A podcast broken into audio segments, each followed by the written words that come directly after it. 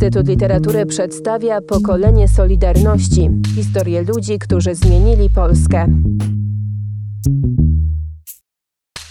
Naszym gościem jest Bernard Bójwicki, urodzony w 1946 roku.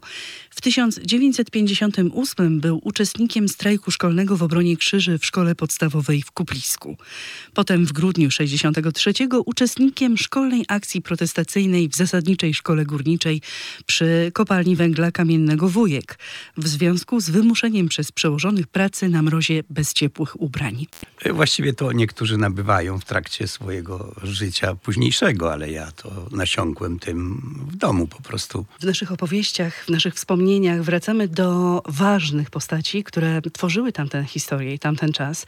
Pan nie tylko poprzez tą ogromną, niezwykłą książkę, Mój rok 1980, gdzie wspomina pan w taki też czasami zabawny sposób tamten moment, wpisuje się w pamięć Solidarności, ale w Pana przypadku chyba znacznie wcześniej zdarzała się historia, która kazała się Panu opowiadać po której ze stron? To wszystko się wynosi z domu, e, ponieważ e, zawsze były tam szepty. Ojciec szeptał ze swoimi braćmi, stryjami, bo oni wszyscy brali udział w wojnie, potem e, w AK byli. No i w związku z tym to tak się nagromadziło.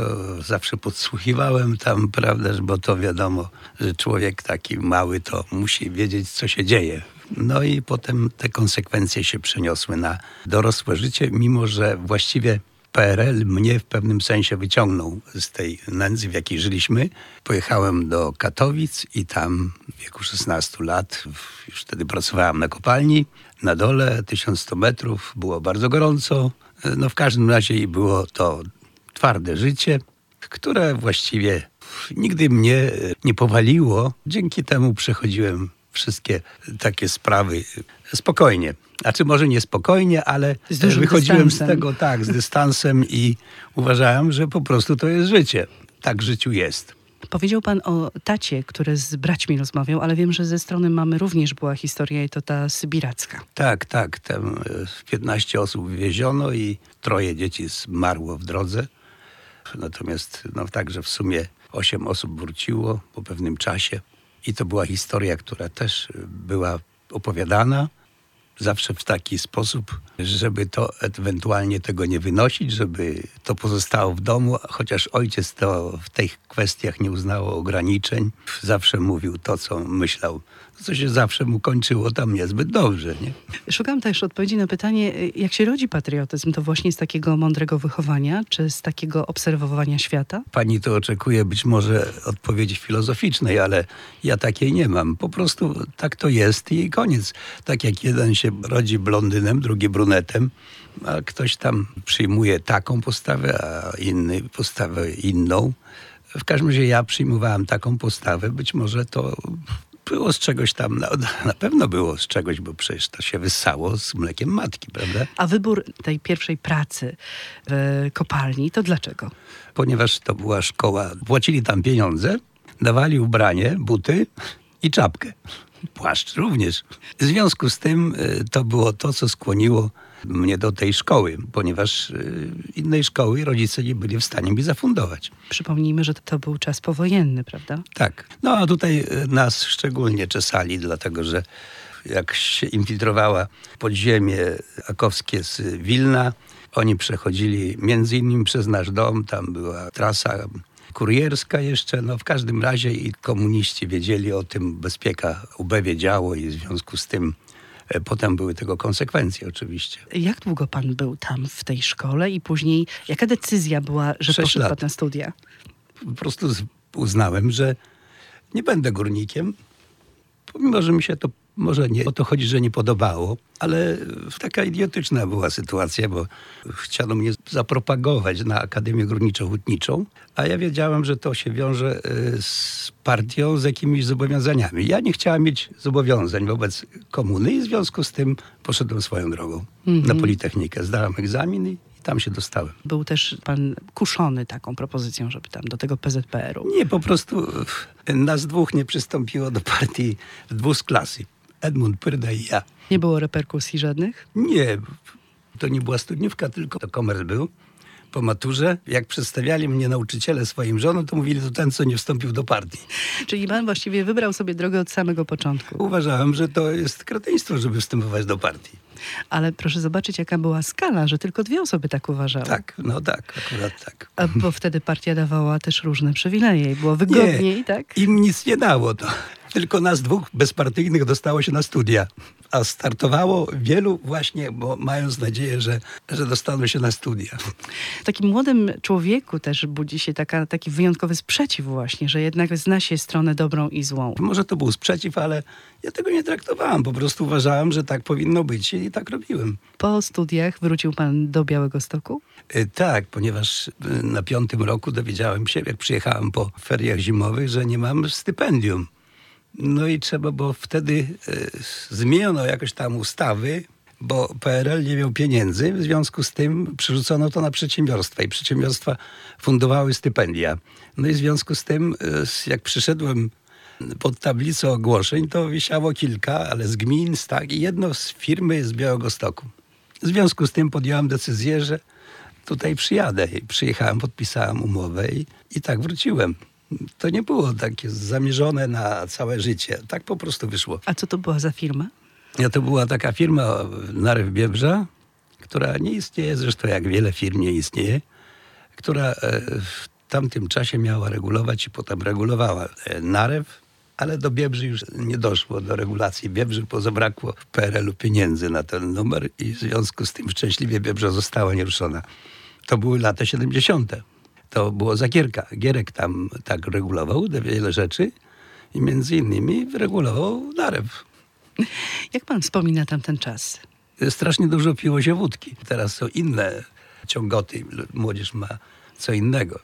Ale kiedy się piło wódkę, to się też rozmawiało trochę o takich ważnych rzeczach? To po prostu była okazja do tego, żeby y, śmiać się z różnych rzeczy. Wtedy było bardzo wiele dowcipów. Y, Ja znałem piosenki, przywiozłem z Krakowa e, studenckie i różne, i patriotyczne, różne i to właśnie uprawiałem, ponieważ zabawialiśmy się w kabarety również w Krakowie, więc tam teksty miałem pod ręką, od ręki miałem takie, które mogłem cytować. No i to wszystkich się bardzo cieszyło, a one były w większości antykomunistyczne.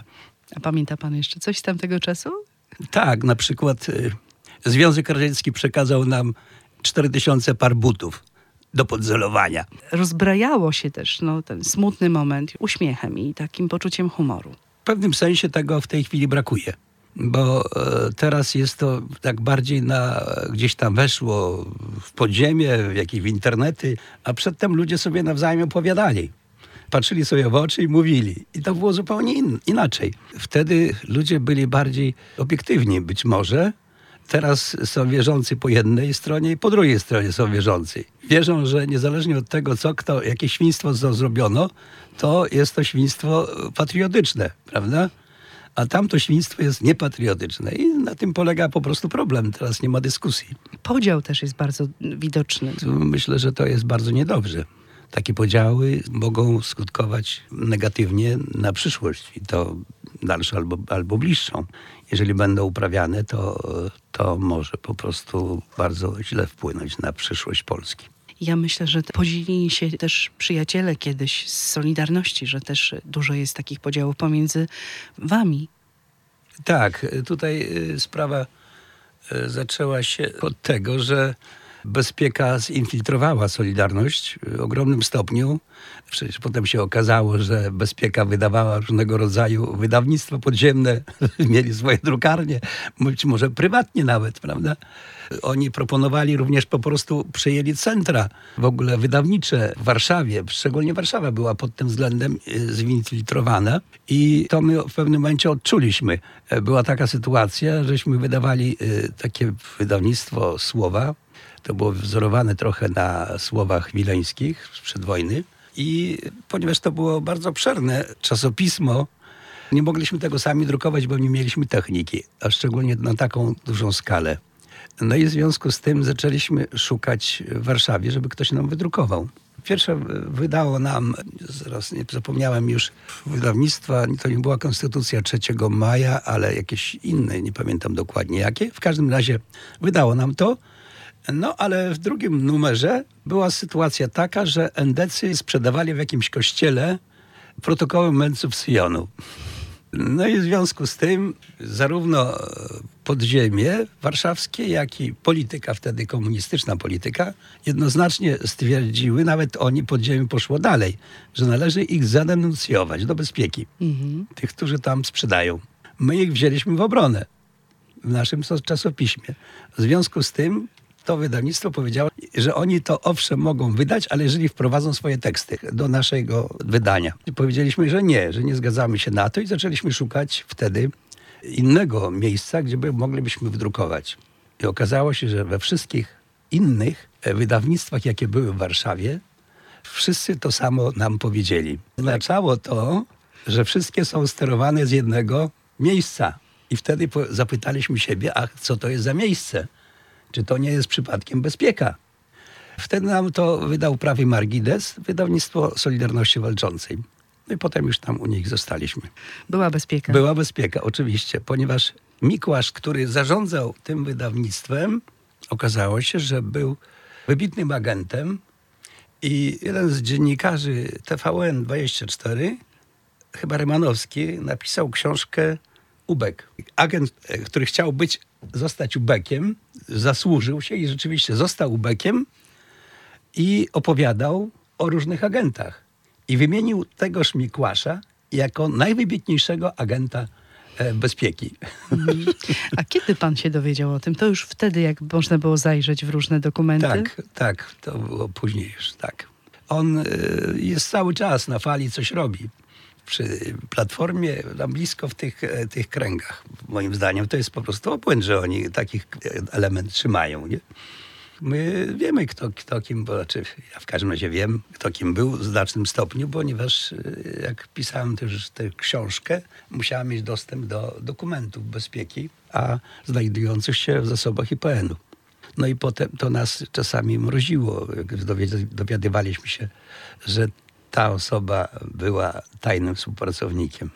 Za chwilkę porozmawiamy o książce, ale jeszcze na koniec tej części chciałam pana zapytać o tą możliwość zajrzenia do własnych teczek czy do, do dokumentów. Po prostu pewne rzeczy wyjaśniały się dzięki temu. Byliśmy, tak jak powiedziałem, zmroziło nas w niektórych sytuacjach. W niektórych sytuacjach podejrzewaliśmy. No na przykład ja podejrzewałem zawsze, że w otoczeniu księdza Suchowolca było sporo agentury, dlatego tam się nie, nie angażowałem zbytnio. I to faktycznie później się okazało, prawda, bo księdza wprowadzono w ogóle, przyniesiono z Suchowoli do kościoła na Dojlidach, gdzie wszyscy księża byli tajnymi współpracownikami. A oprócz tego jeszcze było sporo cywilów. Więc to jest dramat, tragedia, ale jednocześnie wiedza o tym, jak głęboko było to infiltrowane. Że oni tworzyli organizacje, próbowali nawet wpływać na to, co by się działo. Przecież oni w pewnym momencie, jak przyszło do okrągłego stołu, to podejmowali działanie do tworzenia Solidarności, ponieważ im była potrzebna w tym momencie. I chcieli, żeby to robili ci ludzie, których oni widzieli, a nie tacy, którzy przychodzili i chcieli robić. A pana teczka była zaskoczeniem? Nie, ja nie mam teczki. Mojej teczki nie ma. Może ktoś sądził, że będę kimś ważnym i w związku z tym po prostu przychował, żeby coś mi potem wyciągnąć, prawda? Ale ja potem już nie, nie angażowałem się za bardzo w politykę po iluś to po kilku latach i bo uznałem, że nie ma sensu. Jak się dowiedziałem, że to wszystko w znacznym stopniu jest sterowane gdzieś tam za granicę na przykład, nie? że wpływ za granicę jest znaczny. Wschodniej granicy. Nie tylko, że Niemcy na przykład wpływali, bo w pewnym momencie byłem w partii chrześcijańskiej demokracji, to jest to Stronnictwo Pracy. To była partia, która tworzyła rząd londyński, bo Sikorski należał do tej partii. Sporo osób, które tam były, należało właśnie do Stronnictwa Pracy i ono po wojnie było odtworzone, ale komuniści to zdusili. Mecenas Nowicki to odtwarzał. Emigracja polska tworzyła chadecję na zachodzie, w Europie. W tamtym czasie Siła Nowicki był wiceprezydentem Światowej Unii Chrześcijańskiej Demokracji, a Stanisław Gebhardt był szefem europejskiej struktury Unii Chrześcijańskiej Demokracji. W związku z tym byli oni jakby osobami niesamowicie wysoko stojącymi w tym wszystkim, nie? No ale szef Światowej Unii Chrześcijańskiej Demokracji zaprosił nas na spotkanie w Brukseli. Powiedział, że niestety, ale wy nie będziecie chrześcijańską demokracją, wy nie będziecie istnieć, ponieważ Niemcy was nie uznają, bo uznają was za organizację nacjonalistyczną. Pokolenie Solidarności. Cykl podcastów przygotowanych przez Instytut Literatury w Krakowie.